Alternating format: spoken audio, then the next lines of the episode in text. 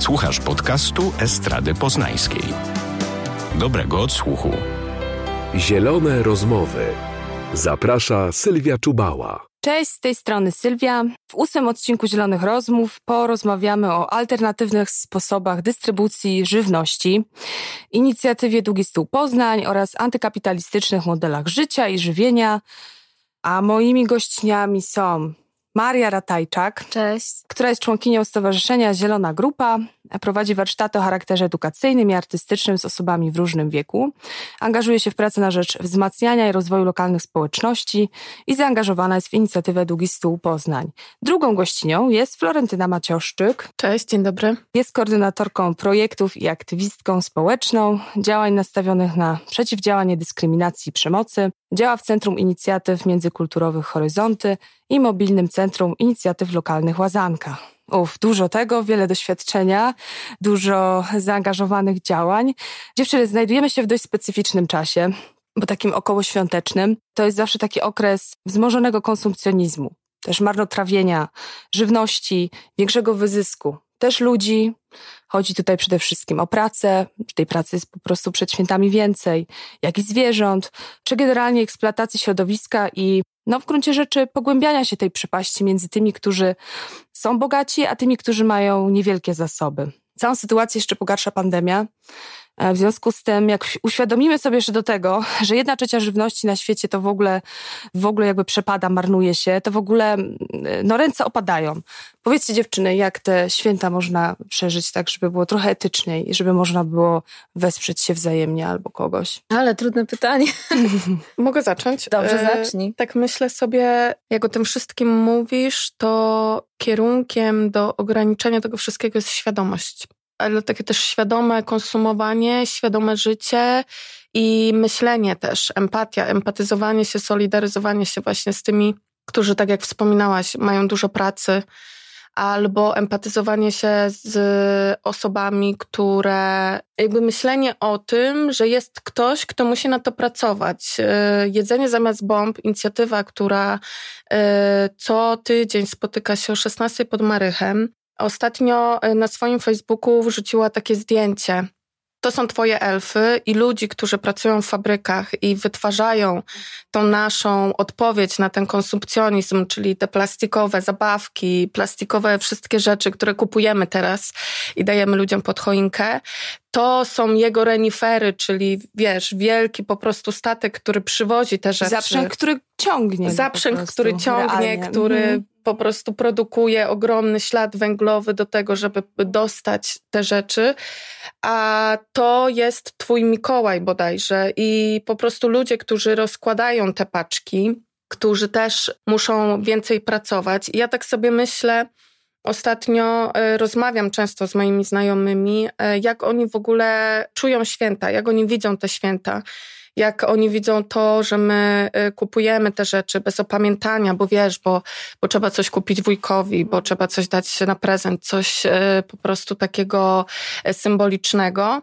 Ja na szczęście akurat otaczam się ludźmi, którzy y, nie zważają właśnie na tą jakby tradycję, że coś musi być na święta dane, ale y, są to osoby, które mówią, no dobra, no to jeżeli coś kupię, to chcę, żeby ktoś to zrobił. Czyli taka właśnie świadomość tego, że można kogoś wesprzeć, mhm tym, co zrobił, wytworzył sam, czyli właśnie naturalne mydła. Teraz bardzo mocno e, wychodzi taka potrzeba moich znajomych artystów. E, oni oferują swoje grafiki.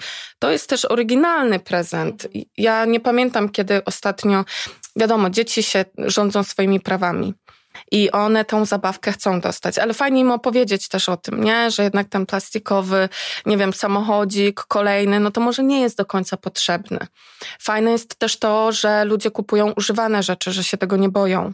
Jest mnóstwo stron, Vinted czy podzielnia, są organizowane wymiany, czyli jeżeli coś mi nie pasuje, to ja tobie to dam i możesz dać komuś to na prezent. Ja myślę, że schodzimy trochę już z takiego piedestału myślenia o tym, że prezent musi być super drogi. A co z jedzeniem? I nieprzemyślany. A właśnie, z jedzeniem. Co z jedzeniem? Z jedzeniem, no wydaje mi się, że akurat z jedzeniem to jest największy problem, bo ludzie bardzo mocno chcą mieć zastawione te stoły i nie myślą o tym. Ja widzę sama w domu, ile moja mama przygotowuje rzeczy, bo ona myśli, że my to wszystko zjemy, a później tego nie jemy. Mrozimy, i jakoś to przechowujemy. I trochę mnie to przeraża, jak widzę, jak osoby przed świętami kupują mnóstwo jedzenia tylko po to, bo na dwa dni są zamknięte sklepy. Ja nie widzę tam świadomości, jeszcze nie widzę tej świadomości. Jest bardzo dużo wyrzucane jedzenia, dlatego właśnie powstała inicjatywa Długi Stół. Ona też była odpowiedzią na pandemię, na to, że ludzie nie mają e, jedzenia, na to, że tracą pracę, że ucięte są im etaty, że mają mniej pieniędzy. I faktycznie y, to wsparcie było na tyle opcjonalne, żeby osoby mogły sobie zapłacić rachunki i nie wydawać jedzenia, bo jedzenie w Polsce jest horrendalnie drogie.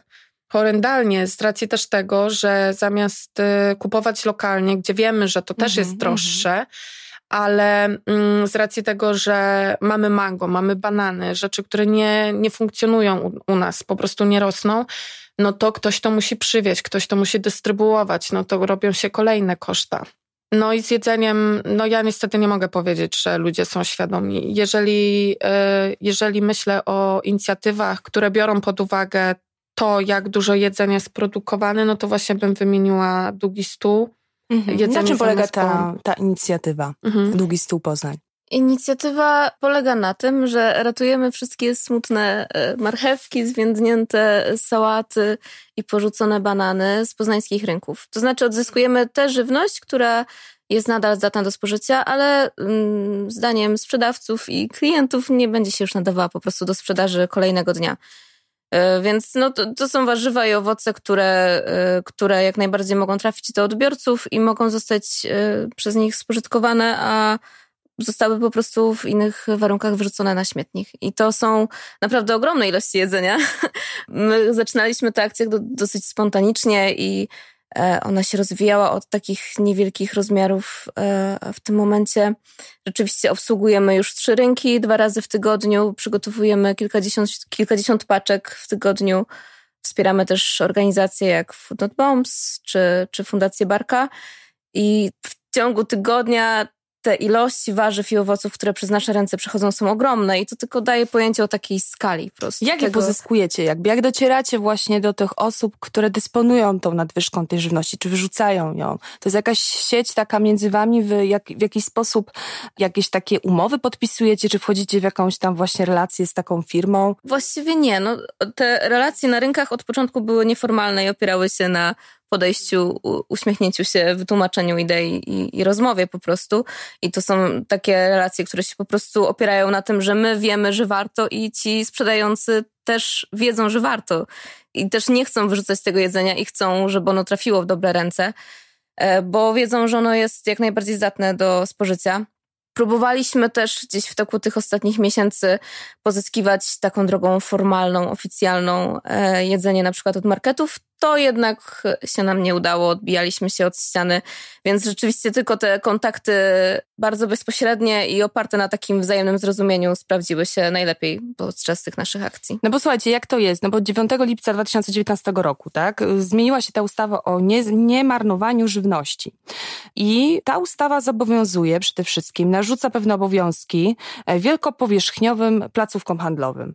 Jeden z tych obowiązków jest to, że musi ona, że taka placówka musi zawrzeć umowę z jakąś organizacją pozarządową, która zajmuje się pomocą społeczną albo właśnie wolontariatem e, i udostępniać właśnie tę nadwyżkę tego jedzenia. I jak to wygląda, słuchajcie, po prostu w realu? Ja próbowałam odzywać się do niektórych z takich sklepów, Czasem próbując na przykład zacząć od e, lokalnego e, sklepu danej sieci, później byłam odsyłana do jakichś oficjalnych kanałów komunikacji i gdzieś ten kontakt kontakt ginął. No jakby trudno mi powiedzieć, na, gdzie, jest, gdzie jest ten problem, jak to przebiega formalnie.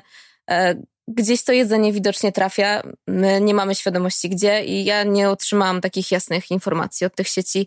Nie udało mi się z nikim tak e, naprawdę skomunikować, bo gdzieś tam odsyłana, maile zginęły i po prostu temat umierał, nie? więc... To znaczy ja uważam, że ta ustawa przede wszystkim ona jest martwa. Z racji tego, że w momencie, kiedy wprowadzali tą ustawę, markety dostały bodajże warunek za nie pamiętam, za 100 kg jedzenia albo za jedną tonę jedzenia wyrzuconego, one płaciły jakąś bardzo śmiesznie małą kwotę. I w tym momencie, jeżeli mamy supermarket y, i przychodzi do, i przychodzi do niego organizacja, to oni nie mają tak naprawdę takiego zaplecza prawnego, czy też dokumentów, nie mają ludzi, którzy by wypisali te wszystkie dokumenty, nie wiedzą, jak stworzyć taką umowę i na jakiej zasadzie to zrobić. Być może darowizny ale wydaje mi się, że po prostu markety zostały zaskoczone tą ustawą i nie zostały przygotowane na to w żaden sposób formalnie i opłaca im się bardziej wyrzucić to jedzenie i zapłacić tą karę, niż bawić się, że tak powiem, w papierologię z Albo zatrudniać jakiegoś pracownika, który Dokładnie. się tym też zajmował. Tak? tak? Bo jakby jeżeli to nie chodzi o taką jednorazową wydawkę jedzenia, tylko pozwolenie właśnie na to, że to będzie się działo w ciągu tygodnia powiedzmy,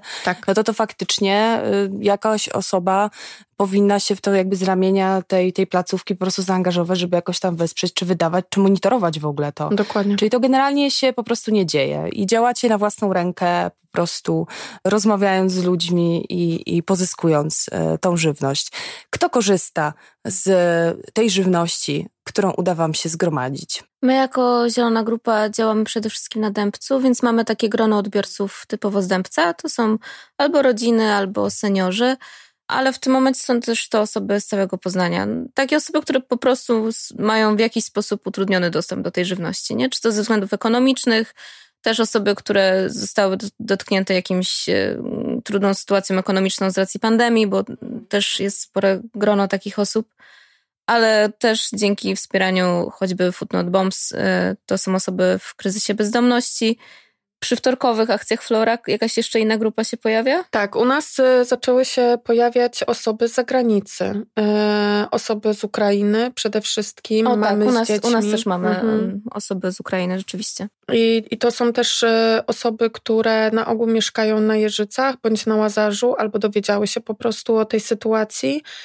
Też e, w momencie, kiedy nastąpiła taka plaga e, tego koronawirusa, to też wspomagaliśmy osoby, które po prostu nie mogły wyjść z domu po jedzenie. Czyli osoby samotne, które, którym przekazywaliśmy jedzenie w jakichś bardzo takich sterylnych, e, uważnych warunkach, no bo same po prostu nie były w stanie sobie zapewnić tego jedzenia. Ale myślę, że super ważne jest, żeby powiedzieć to, że te osoby, które od nas to jedzenie odbierają, bardzo często pracują przy tych zbiórkach. To znaczy, e, beneficjenci są jednocześnie e, wolontariuszami i e, aktywnie działają. Zresztą mamy takiego wolontariusza, który na początku jedynie odbierał paczki, kiedy jego stan zdrowia się polepszył na tyle, że mógł nam pomagać to zaangażował się tak, że jest z nami co tydzień, a w tym momencie sam już prosi mnie o e, jakieś pisma polecające, bo chce organizować jedzenie sam z hurtowni i tak dalej. Więc to rzeczywiście e, przyciąga takie osoby, które być może w danej chwili potrzebują pomocy, ale też chcą się tą pomocą dzielić z innymi. Nie są nastawione jedynie na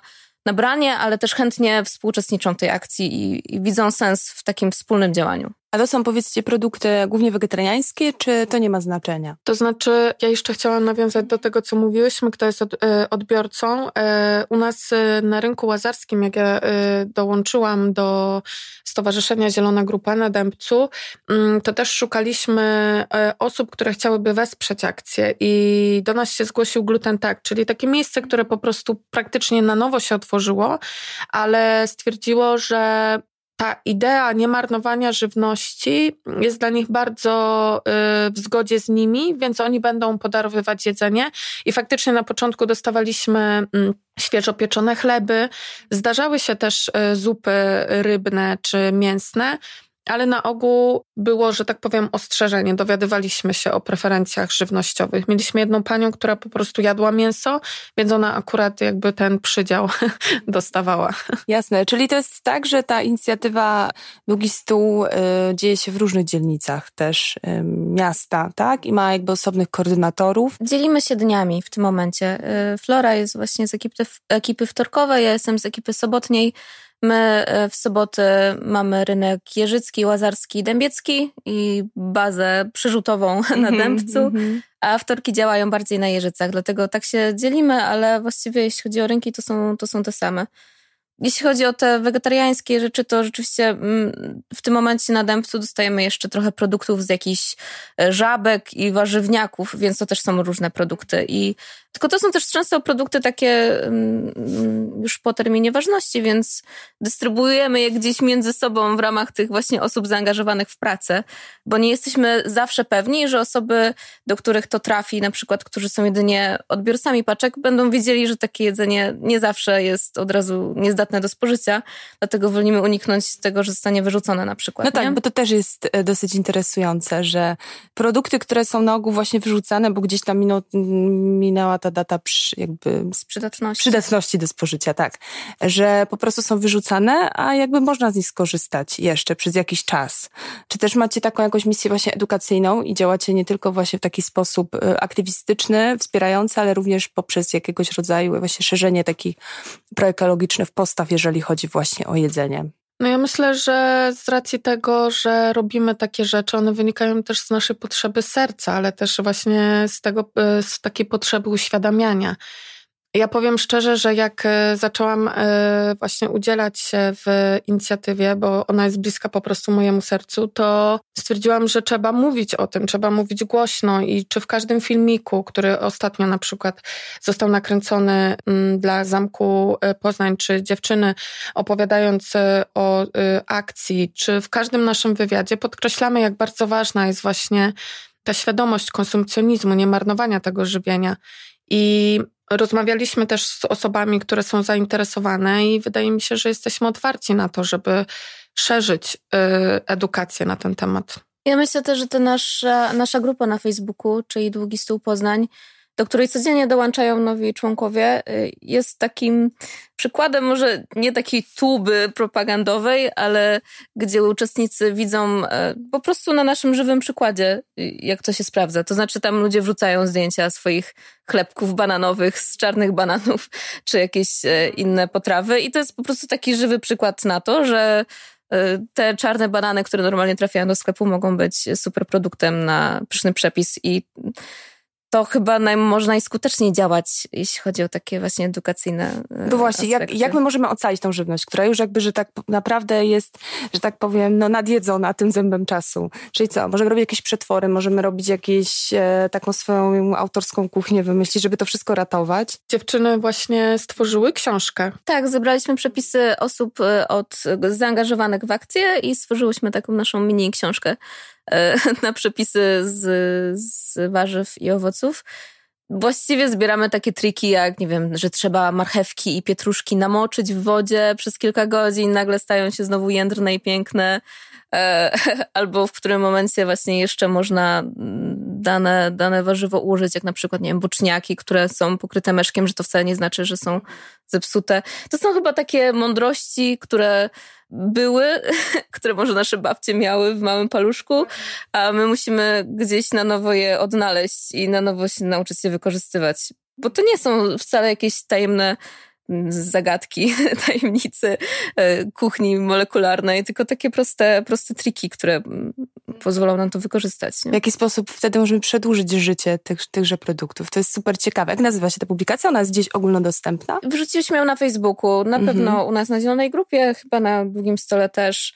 Stowarzyszenie Zielona Grupa na Facebooku można znaleźć. To jest taka no, książka, to jest tak szumnie nazywane, to jest po prostu zbiór przepisów takich y, naszych w ramach naszej grupy. Ale to jest, wydaje mi się, bardzo fajna, y, fajny bardzo pomysł y, na poszerzenie jakby też takiej świadomości, prawda? I też być może włączenie innych osób do tego, które sobie troszeczkę tego nie wyobrażają. A powiedzcie mi, jak ta idea, bo ona jest dla mnie, ten, ten długi stół, to jest gdzieś tam idea pewnie bliska w ogóle friganizmowi jako, ta, jako taka, prawda? Jakby to też są, to też jest grupa, która jakoś jest związana z tym ruchem. Jak to wygląda? Ja nie nazwałabym friganizmu ruchem bądź grupą związaną z ruchem. Ja myślę, że to jest jakiś taki mm, styl bycia i myślenie o tym, że to jedzenie, które znajduje się na śmietnikach, jest po prostu zdatne do spożycia i ja się spotkałam z tą teorią albo sposobem funkcjonowania przeciwko całemu systemowi konsumpcjonizmu z jakieś pięć lat temu. I byłam bardzo zainteresowana żywo tym, że są osoby, które jadą na śmietnik i po prostu zbierają to jedzenie. Kiedy pojechałam pierwszy raz i zobaczyłam, że to jedzenie jest naprawdę nadal y, zdolne do spożycia, zaczęłam głębiej kopać o co chodzi. Powódki, dlaczego tyle jedzenia trafia na śmietnik, były po prostu smutne i wkurzające bo wyrzucenie palety arbuzów wynikało z tego, że jeden arbuz bo albo się po prostu nie zmieściły na półce, albo y, arbuz jeden był niezdatny do spożycia, więc stwierdzili, że teraz całą paletę muszą wyrzucić. I gdyby faktycznie to jedzenie się psuło, to ja bym to zrozumiała. Ale jeżeli to są takie powódki, że tak powiem, takiego naszego ludzkiego po prostu niemyślenia, to to naprawdę jest y, za, zatrważające i mnie zawsze bardzo interesowało. Ja pamiętam, kiedy jeszcze były takie momenty, że wyrzucano, że oblewa, bo to, że przyjeżdżają friganie na śmietnik, to dla ochrony sklepu nie jest zawsze wygodna sytuacja. Jeżeli ktoś się też nie umie zachować, jest kodeks w ogóle friganina, jak powinna się osoba zachować, zabezpieczyć, jak, e, jak rozmawiać też z osobami, które przyłapują tą osobę na grzebaniu w śmietniku, tak zwanym nurkowaniu ale jest e, dużo e, osób, e, friganów, które po prostu się też do tego nie stosuje. I taka sytuacja jest też niekomfortowa dla osób, bo one z, ze sklepu, one nie wiedzą jak zareagować. Więc reakcją ich było na początku wylewanie czegoś trującego na to jedzenie mieszanie tego jedzenia, czyli razem ze szkłem, razem z mięsem, razem z warzywami. Dopiero później e, sklepy dostały informację, że muszą segregować to jedzenie. I faktycznie ten friganizm zaczął być bardzo popularny i Wydaje mi się, że to jest też taki sposób y, na to, żeby myśleć o tym, że my nie potrzebujemy tyle konsumować, nie potrzebujemy iść do sklepu. Wiadomo, że y, gro ludzi, którzy są friganami, są po prostu biedni i nie mają pieniędzy na jedzenie. E, z racji tego, że mamy taki system, a nie inny. Mamy osoby, które nie mają po prostu pieniędzy, bo mają, e, nie wiem, najniższą krajową, która nie starcza, ceny rosną. To jest jakby. Ale może to też być politycznym oczywiście, wyborem, że oczywiście, tak. prawda? Oczywiście, mm że tak. Mm I jakie było pytanie? Jaki to ma związek z drugim stołem? Ja myślę, że ma taki, że omijamy w tym momencie tylko ten moment wyrzucenia tego jedzenia na śmietnik co jest o tyle użyteczne, że w tym momencie te śmietniki często są właśnie zamykane, żeby uniknąć mm, osób, które chciałyby same z, z, tego korzystać. Więc my po prostu nie dopuszczamy do tego, żeby one wylądowały na śmietniku, ale poza tym to to właściwie niczym się nie różni. Znaczy robimy krok, -hmm. krok w swoją stronę, sprzedawcy robią krok w naszą stronę, my tak. robimy krok w stronę sprzedawców, się gdzieś po prostu wcześniej spotykamy z tym jedzeniem. Tak, bo friganis jest dosyć... Yy, on się rządzi też swoimi yy, prawami, a my trochę yy, jakby zmieniamy okoliczności tego, jak to jedzenie jest pozyskiwane, bo jeżeli jesteś friganką, to musisz zarezerwować sobie czas wieczorem. Te sklepy muszą być zamknięte, pojechać gdzieś, jakby później to jedzenie przywieźć, umyć, przetworzyć.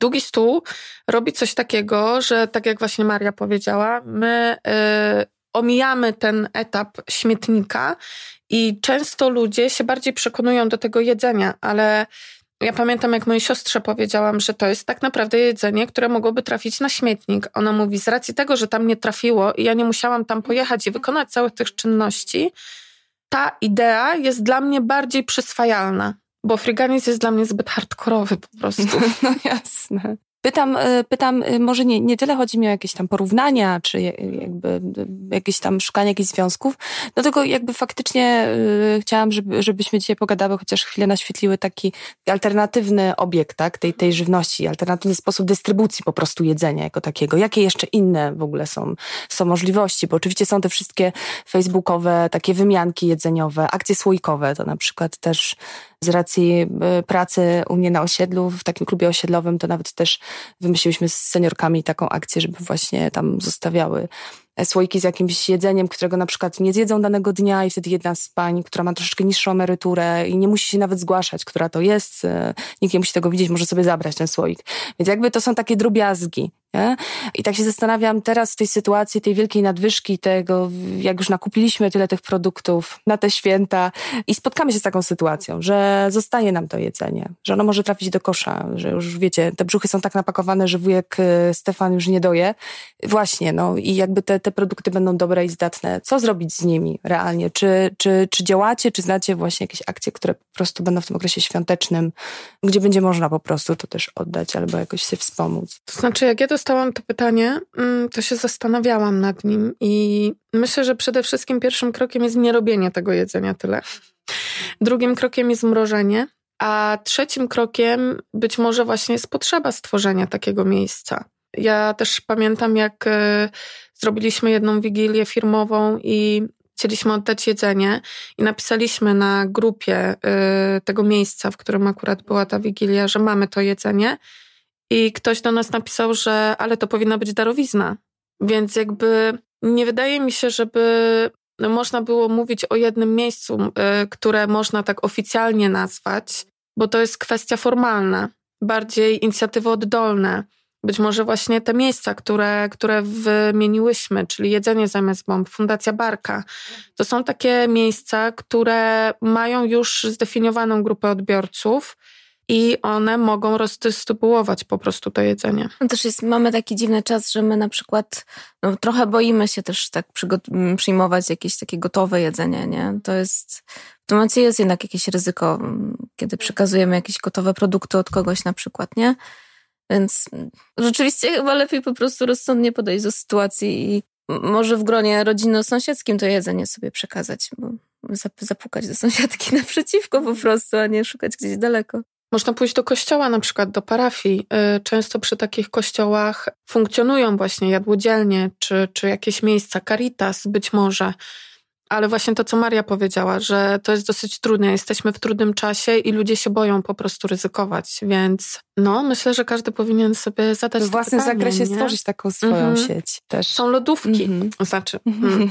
w, powinny być lodówki społeczne, czyli miejsca, które tak naprawdę są takim źródłem tego jedzenia. W wielu miejscach na świecie funkcjonuje coś takiego. W Polsce to się nadal nie przyjmuje, bo ludzie zaczynają myśleć o tym, no dobrze, ale co się stanie, jeżeli ktoś to ukradnie, ktoś ukradnie prąd, kto, tym będzie zarządzał, jakby Moglibyśmy wprowadzić parę rzeczy, ale to jest też kwestia odpowiedzialności społecznej, która przy okazji inicjatywy e, Giveboxa mm, bardzo mocno wybrzmiała. Zgadza się, też rozmawiałyśmy tutaj o tej idei, e, że tam faktycznie nie wszystko się po prostu powiodło i gdzieś kontynuacją tego pomysłu jest podzielnia w takiej formie, która, nad którą jest troszeczkę większa kontrola i w której się więcej osób też jakoś tam udziela. Natomiast ja sobie jeszcze myślę, no tak, bo my mówimy o tym, ja z jednej strony lubię i nie lubię mówić o tym właśnie, jak wykorzystać nadwyżkę, jak nie zmarnować, jak przekazać dalej. No bo jakby istotą jest to, żeby właśnie tej nadwyżki nie było, prawda? Czyli jakby doprowadzać do sytuacji, że yy, nie kupujemy nadmiernie, że nie ma, że jakby po prostu rezygnujemy z tego. No to co robić, słuchajcie? To jest tak, że yy, myślicie, że tutaj właśnie ta edukacja, edukacja szkolna, zmiana jakichś nawyków żywieniowych, zmiana w ogóle podejścia. My tutaj rozmawiamy też za każdym razem tak bardzo holistycznie o tych problemach, nie? To znaczy znaczy, że to wszystko, jeden element pociąga drugi, że jakby chodzi głównie o takie działania właśnie antykapitalistyczne, o działania równościowe, że, że y, oczywiście te wszystkie kwestie to pewnie też, y, tak uważacie, są ze sobą bardzo połączone.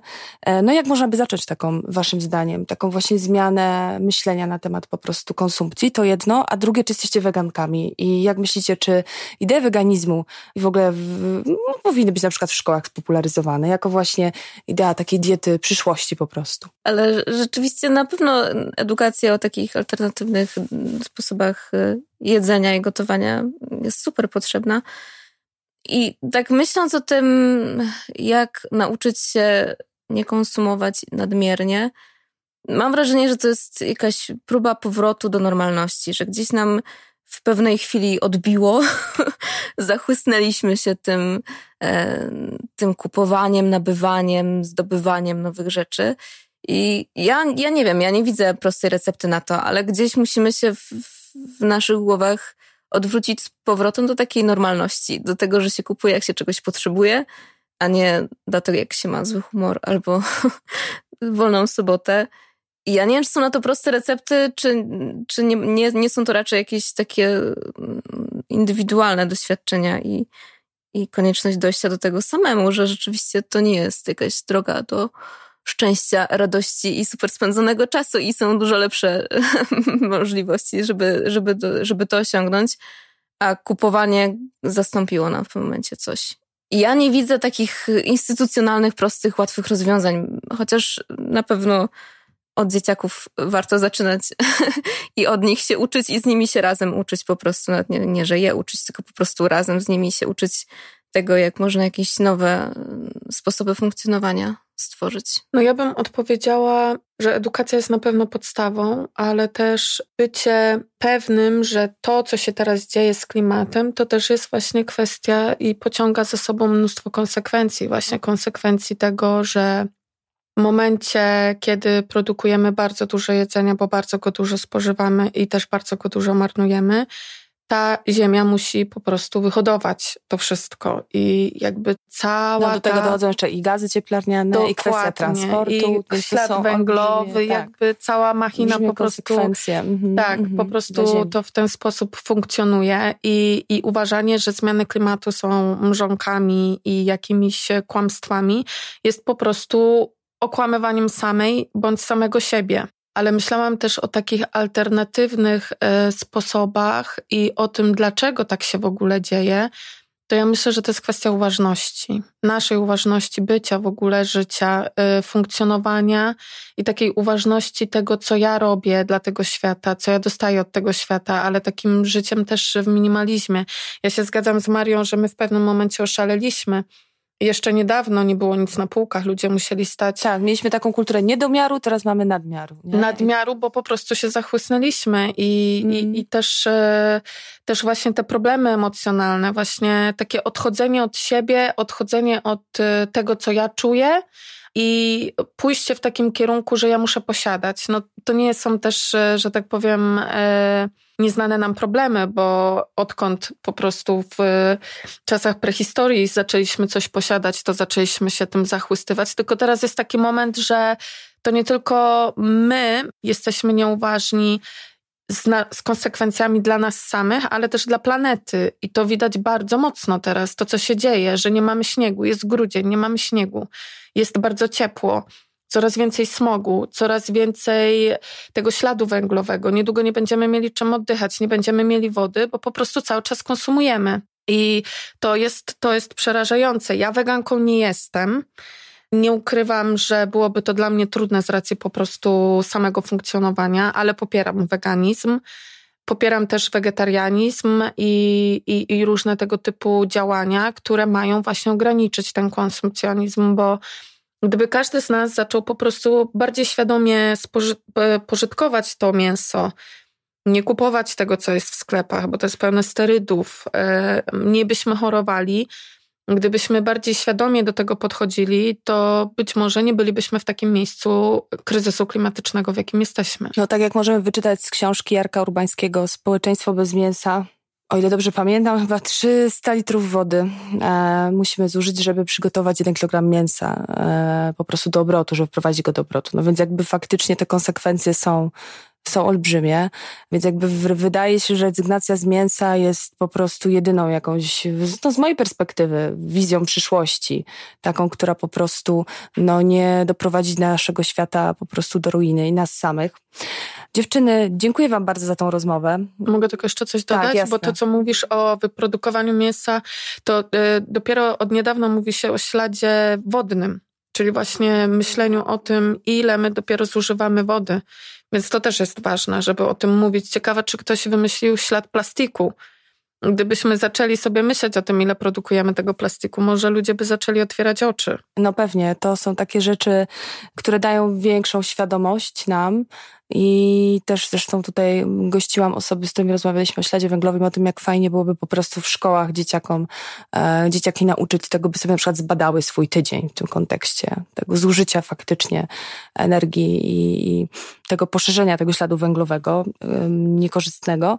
Czyli jakby podsumowując, ta audycja e, będzie wyemitowana 25 grudnia, w związku z tym jesteśmy już po świętach czy w trakcie. To, co zakupiliśmy, mamy w lodówkach, e, potrawy zostały przygotowane. Czyli co, taki apel, żeby po prostu może faktycznie trochę tej żywności zostawić, może spróbować ją przetworzyć, żeby miała dłużej, była dłużej świeża i mogła trafić do osób, które tego potrzebują. E, jedzenie zamiast bomb, bardzo fajna inicjatywa. E, zawsze można napisać, zgłosić się i przekazać te produkty. A jeżeli chodzi o długi stół, Czy w święta też działacie, czy po świętach? Nie, bo z racji tego, że my też jesteśmy uzależnieni od tego, jak sprzedaż przebiega na rynkach, to mamy świadomość tego, że nie będzie za bardzo tych nadwyżek mm, jedzenia po świętach. Także na święta przerwa. Wracamy w nowym roku z nowymi siłami. Można do nas do, dołączyć i do pracy, i do jedzenia warzyw. Także zapraszamy i zacząć można od podglądania na Facebooku. Tam jesteśmy no to aktywni, super. pokazujemy nasze nieżywe warzywa. Super. Dziękuję wam bardzo dziewczyny. Bardzo dziękuję. dziękuję. Florentynie i dziękuję Marii Dzięki. za tę rozmowę. Dziękujemy bardzo Dzięki. za zaproszenie. Producentem podcastu jest Estrada Poznańska.